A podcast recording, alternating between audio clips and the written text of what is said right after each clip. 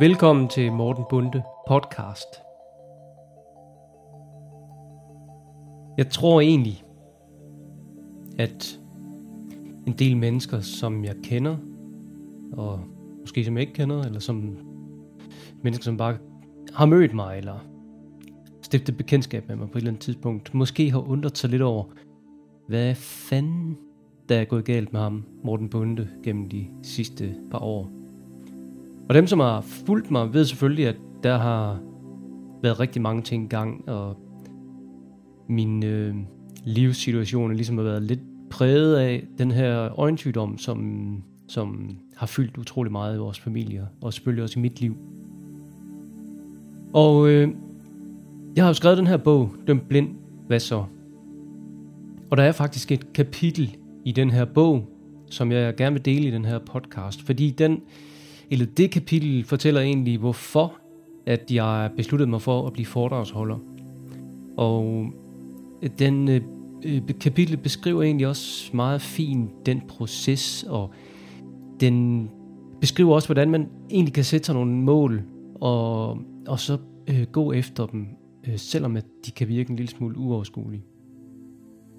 Så denne podcast her, den er egentlig en smagsprøve på bogen Døm blind, hvad så? En rejse fra håbløshedsgade til mulighedsvej. Udfordring nummer 4. Foredragsholderen Morten Bunde. Den fjerde udfordring var i virkeligheden en udfordring, der havde resoneret i mine tanker i flere måneder.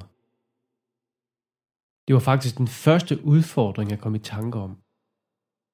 Da jeg læste bøger, blandt andet forfatteren John C. Maxwell, Lynn McTaggart, Joseph Murphy, Peter Lund Madsen og mange andre, blev jeg så motiveret og overvældet over, hvad denne nye viden gjorde ved mig. Jeg blev også motiveret af den måde, hvorpå de kunne formidle deres viden på en spændende og fængslende måde. Jeg var fascineret over, hvordan ord og idéer kunne inspirere og udvikle andre mennesker. Sikke en evne, og sikke en positiv indflydelse at have på mennesker og verden.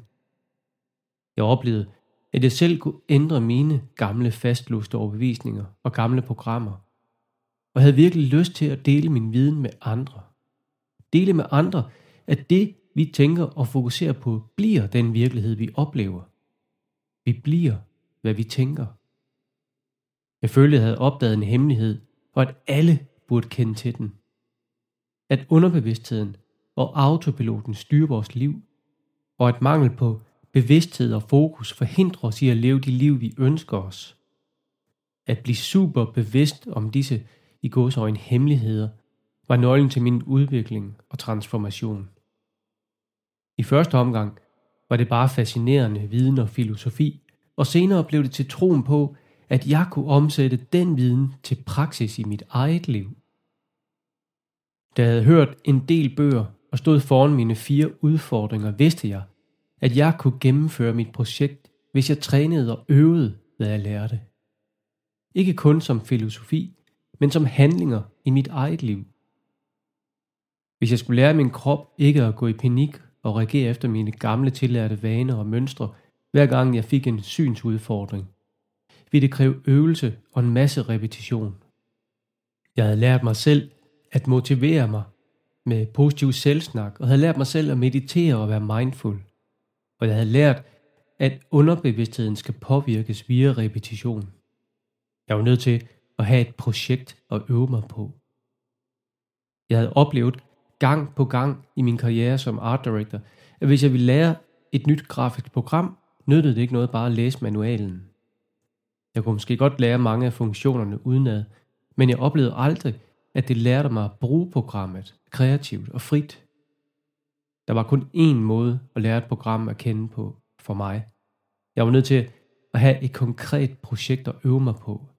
Et projekt, hvor jeg lærte af gentagelser og mine fejl. Det var sådan ideen om de fire udfordringer kom til mig. Jeg tænkte, Morten, nu slår du flere fluer med et smæk. Du er inspireret af foredragsholdere, der kan motivere og inspirere folk. Og det blev en lille drøm for dig at kunne gøre det samme. Og du ved, Morten, at hvis du skal implementere den nye viden, du har fået ind i dit liv, så skal du øve dig. Faktisk skulle jeg mere end øve mig. Jeg skulle blive besat af ideen om, at vi kunne se muligheder i stedet for begrænsninger. Og jeg skulle blive besat af tanken om at forlade håbløshedsgade og finde mulighedsvej. Og jeg skulle blive besat af ideen om at blive foredragsholder. Jeg tror ikke, at andre helt har kunne forstå, hvorfor jeg blev så besat af ideen om at skulle holde foredrag og skrive en bog. Men den mission var min måde at lære mig selv at se muligheder via et mål, der kunne aktiveres i mit virkelige liv. Ikke kun det tænkte. I alle døgnets vågne timer, og når jeg ikke var vågen, skulle jeg drømme om det. Det skulle blive en besættelse, og det blev det. Udfordring nummer 4 lød således. Hold et foredrag på Lego på engelsk for alle mine kollegaer om, hvordan jeg flyttede mig fra håbløshedsgade til mulighedsvej. Og læg mærke til måden, sætningen er formuleret på. Den er formuleret på den måde, at det lyder som om transformationen allerede er sket. Det var den jo egentlig ikke på det tidspunkt. Jeg havde endnu ikke gennemført nogle af mine udfordringer. Jeg var kun begyndt at læse en masse bøger om måder, man kunne gøre det på. Men jeg havde endnu ikke implementeret det i mit eget liv. Jeg var stadig på håbløshedsgade.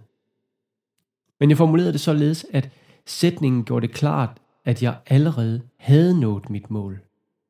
Jeg skabte følelsen af, at jeg havde nået mit mål, inden jeg virkelig havde nået det. Det handlede om at skabe følelsen i kroppen og blive bekendt med, som er den tibetanske definition på meditation, hvordan det ville føles at have nået det mål, jeg havde sat op for mig selv. Når jeg kunne skabe følelsen af den succesfornemmelse og fodre mit sind med tanker, der kunne starte denne følelse, vil underbevidstheden på et tidspunkt tro, at den faktisk befandt sig i denne nye virkelighed. Og så vil den begynde at arbejde for mig og ikke imod mig. Underbevidstheden adlyder altid, hvad du foreslår, at den skal adlyde. Men den gør det kun, hvis du virkelig sætter dig igennem. Og den gør det objektivt. Altså, den vurderer ikke, om det nu er en god idé, eller om det nu er det rigtige for dig. Når du i dine tanker og følelser kan skabe den virkelighed, som du ønsker at være i, så vil underbevidstheden arbejde på at nå til denne virkelighed. Og hvis du hver dag i meditation fortæller din underbevidsthed, at du allerede har nået målet, vil det langsomt blive til din nye virkelighed. Du bliver, hvad du tænker. Jeg besluttede mig for, at jeg inden fire måneder skulle holde mit første foredrag om min store forvandling og min rejse dertil. Jeg lagde ikke pres på mig selv, for jeg tillod mig selv at fejle i projektet. Hvis jeg fejlede, eller på en eller anden måde ikke ville være klar med foredraget inden de fire måneder, ville forsøget og alle mine bestræbelser være en succes i sig selv. Og alt det, jeg ville have lært i processen, vi aldrig kunne tages frem og erkendt.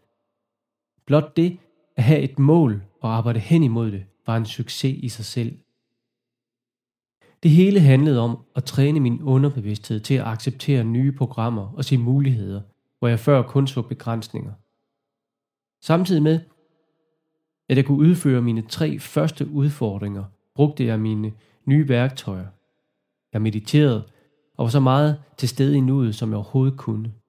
Og jeg trænede mig til at overvinde mig selv, samtidig med at jeg dokumenterede hele forløbet, både i bogen og i arbejdet med at udvikle mit foredrag, dømt blind, hvad så?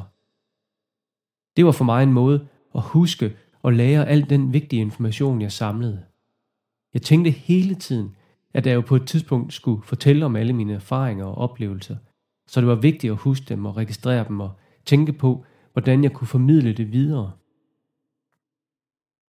Mange af mine gåture fra Kolding til Almen var således også foregået med at formulere sætninger og forklaringer på mine opdagelser og oplevelser.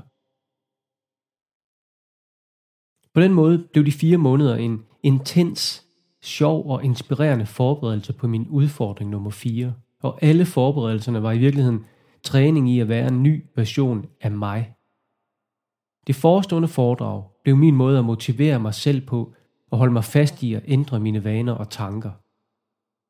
Noget andet, jeg oplevede gennem de fire måneder, var, at mine kolleger og venner blev så dels inspireret af og interesseret i det, jeg fortalte dem, når jeg fortalte dem om mit projekt. Jeg oplevede igen og igen, at min viden om vores underbevidsthed og bevidste sind, ideen om, at vi bliver, hvad vi tænker, virkelig var noget, der satte tanker i gang hos folk. Det var noget, mange aldrig havde tænkt over.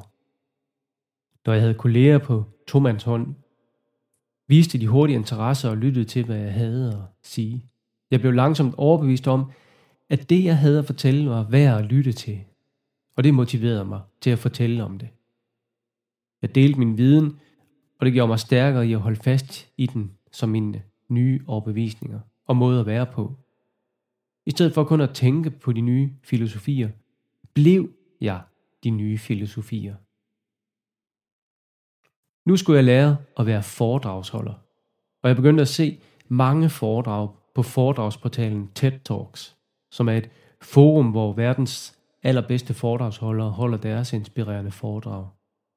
Jeg vidste, at hvis jeg skulle blive god til at holde foredrag, skulle jeg øve mig og gøre det igen og igen og igen. Det er måden at lære underbevidstheden nye programmer og adfærd på. Men jeg vidste også nu, at jeg kunne forberede mig på en helt anden måde. Jeg kunne forberede mig mentalt via mine meditationer. Det blev derfor en ny rutine for mig at forestille mig i mit sind, at jeg holdt foredraget, og at det hver gang endte på en helt fantastisk måde. Jeg forestillede mig, at jeg holdt foredraget, sagde alt det, jeg gerne vil sige, og til sidst modtog stående bifald. Jo mere jeg tænkte disse tanker, jo mere glædede jeg mig til, at det skulle ske. Jeg gav kroppen en forsmag på den gode oplevelse, det ville blive, og jeg lod være med at fokusere på alt det, der kunne gå galt. Jeg fokuserede kun på alle de positive aspekter af min plan. Det gik hurtigt op for mig, at dette var den mest krævende udfordring af de fire udfordringer. Som jeg tidligere har beskrevet, havde jeg holdt mange præsentationer, og jeg følte hver gang ubehag ved det. Det var en del af mit job at præsentere på en underholdende og inspirerende måde, men jeg var altid nervøs på en usund måde inden mine præsentationer. Min krop blev stresset, og jeg havde mest af alt lyst til at løbe skrigende væk. Når jeg havde tvunget mig selv til at gøre det, som kroppen kæmpede imod at gøre, at give præsentationen, skete det 99% af gangene, at det gik rigtig godt, og at jeg efterfølgende havde en fantastisk brusende fornemmelse af sejr. Og jeg fik bekræftet, at jeg faktisk var god til at præsentere og inspirere. Jeg glemte det bare altid, når jeg skulle gøre det igen. Det var jo egentlig underligt, for man skulle tro, at underbevidstheden på et tidspunkt ville lære, at den ikke skulle være nervøs. Men problemet var, at jeg aldrig var bevidst og målrettet på at ændre de automatiske reaktioner, der kom hver gang lige inden præsentationen. Jeg tænkte altid over, hvad der kunne gå galt. Jeg bemærkede, at jeg blev nervøs og fik fugtige hænder, og så blev jeg vred på mig selv over min reaktion. Hvorfor fanden bliver du altid nervøs, Morten? Det er det samme hver gang. Tag dig nu sammen, dit skvat. Og jo mere den indre stemme fik lov at lege dårlig coach, jo mere reagerede kroppen usikkert. Hjertet begyndte at banke hårdt, og stemmen sagde, Stop med at bank, for helvede. Men jo mere stemmen terroriserede, jo mere vildt reagerede kroppen. Det var så min viljestyrke, der måtte tage sig af situationen. Du er nødt til at gøre det, Morten. Folk venter, og du kan ikke tillade dig at skuffe dem. Min perfektionisme og min overbevisning om, at jeg kun var god nok, hvis jeg var rigtig god til at give denne præsentation, gjorde, at jeg kunne tage mig nok sammen til at gå på scenen og gennemføre missionen. Og næsten altid uden at nogen overhovedet opdagede min indre kamp. Jeg tror, mange kan genkende det, jeg beskriver her. I USA lavede psykologer og forskere en undersøgelse, man vil identificere, hvad amerikanere var mest bange for. Og 40% af de adspurgte havde død på en tredje plads, hvor at tale offentligt til en forsamling var nummer et. Wow, tænk lige over det en gang. Folk vil hellere dø, end at tale foran en forsamling.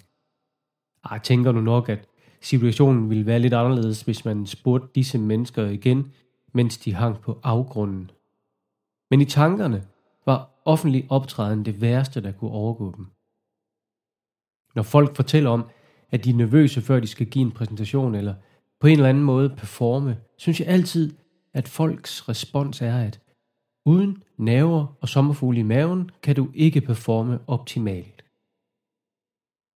Da Kim Larsen døde, så jeg et gammelt interview med ham på tv, hvor han sagde, at han altid havde den samme rutine, før han skulle på scenen. Han sagde, nogle timer inden koncerten bliver jeg rigtig nervøs, og har det helvede til. Og når jeg så kommer på scenen, går det hele væk, og jeg nyder virkelig at spille musik. Næste dag, når jeg igen skal på scenen, starter det hele forfra. Og undskyld den dårlige paudi. Men det her kunne jeg genkende fra mig selv, når jeg skulle præsentere på jobbet. Og jeg havde bare accepteret, at det var sådan, det skulle være. For det var jo sådan, de professionelle havde det. Og hvis man ikke havde det, som om maven vendte vrangen ud på sig selv, inden man skulle performe, så ville man ikke kunne give sit allerbedste. Altså, man skulle bare acceptere, at frygt var den motivation, som kunne drive en mod sin mål. Når jeg snakker om, at man altid skal acceptere det nu, der opstår, er det ikke det samme som, at man ikke skal påvirke den måde, som det næste nu udvikler sig på. Det handler om at acceptere det, som er nu, uden at dømme og fornægte det. Men så er det op til dig at lære af det nu, og beslutte dig for, hvordan det næste nu skal være. Sådan skaber du dit liv. For eksempel opdager du en dag, at du hele tiden befinder dig på håbløshedsgade, men at du gerne vil finde mulighedsvej. Det er ikke en fornægtelse af, at du nu er på håbløshedsgade. Heller ikke en dom over det, men en erkendelse gjort med dit bevidste nærvær. Uden at dømme, at du er på håbløshedsgade, kan du nu glæde og rose dig selv over, at du har opdaget, at du ikke længere ønsker at forblive her. Og stille og roligt kan du i stedet finde ud af, hvordan du vil nå mulighedsvej. Der er ingen dom eller brokkeri over, at du endnu ikke har nået mulighedsvej. Kun kærlighed over for dig selv, at du har opdaget det og vil gøre noget ved det. Nu. Du opdager, at du ikke længere vil være offer i dit eget liv, men skaberen i dit eget liv. Med min nye viden om mindfulness og meditation og om hvordan psyken fungerer, kunne jeg nu bruge dette mindfulness-trick. I stedet for at bekæmpe situationen, som jeg stod i, altså være frustreret over, at jeg fik alle disse advarselssignaler fra kroppen, accepterede jeg nu i stedet, at de var der, og at det var okay. Jeg accepterede nuet, som det var, uden at forsøge at bekæmpe det. For jo mere jeg forsøgte at bekæmpe det, jo mere fodrede jeg det. Den ulv, du fodrer, er den ulv, der vinder. Så nu udviklede jeg en ny strategi. Jeg vil fjerne alt pres fra mit foredrag, og jeg vil sørge for, at den indre stemme blev min ven på denne mission, ikke min fjende. Da dagen kom, hvor jeg skulle holde foredraget for mine kollegaer på Lego, var jeg selvfølgelig nervøs, hvilket er helt okay. Jeg skulle holde et foredrag for 40 mennesker på engelsk om noget så dels personligt, som jeg aldrig havde talt offentligt om før. På en måde skulle jeg i dette forum udstille de begrænsende tanker, som havde hjemsøgt mig i årvis. Jeg skulle udstille mine svagheder, afsløre mit synshandicap, og jeg vidste ikke, hvordan jeg eller folk ville reagere. Så selvfølgelig var jeg nervøs. Mine kolleger kendte mig kun fra den side, hvor jeg virkede som om jeg havde styr på det hele. Det havde jeg ikke. Og den illusion skulle nu punkteres i fuld offentlighed. Gulp. Hele formiddagen kunne jeg mærke nervøsiteten i kroppen. Men som jeg havde gjort, da jeg skulle springe fra 4 km højde, kunne jeg hele tiden fange nervøsiteten og sætte den i perspektiv. Hvad kan der ske, i morgen? Husk, de holder alle af dig, og ingen ønsker dig noget ondt. Du er mega modig og sej, og det kan intet lave om på. Folk var ankommet og sad forventningsfulde og smilende og ventede på, at jeg skulle starte foredraget. Jeg havde fået alt gjort klar, og så startede jeg. Hjertet bankede, og stemmen rystede lidt, da jeg sagde, Welcome and thanks for being here. Så var jeg i gang. Og jeg fortsatte sådan her. I dag vil der kunne ske tre ting. 1. Jeg vil måske glemme alle de ord, jeg har forberedt til i dag, og jeg vil stå og hakke mig igennem foredraget. Eller 2. Jeg vil måske bryde hulkende sammen, da alt det, jeg vil dele med jer i dag, er super personligt. Eller 3. Alt vil gå super godt. Vi vil gå herfra med inspiration til, hvordan man kan flytte sig selv fra en svær livssituation, til igen at kunne se lyst på det fantastiske liv, vi har fået foræret. Jeg håber naturligvis på, at det er den tredje mulighed, vi kommer til at opleve i dag, men hvis det skulle blive en af de andre muligheder, vi kommer til at se, så er det også okay. For bare det, at jeg står her og taler til jer, er en sejr for mig. Og da jeg sagde det, kunne jeg mærke en kæmpe vægt falde fra min skulder. Jeg kunne nu bare være mig, uden at skulle præstere noget bestemt. Jeg kunne fornemme, at folk sad lidt uroligt på stolene, da jeg snakkede om at bryde sammen. Men det skete heldigvis ikke. Foredrag blev en succes. Folk blev inspireret, og jeg fik efterfølgende mange henvendelser fra folk, der var overrasket over, hvordan jeg havde kunne klare mig så godt i så mange år med så lidt syn, og hvor inspireret de var over den måde, jeg håndterede det på. Nogle ønskede også at vide, hvilke bøger jeg havde læst. Min store frygt for at springe ud af blindeskabet viste sig at blive min store lettelse. Nu havde jeg klaret alle mine udfordringer. Og hvad så nu?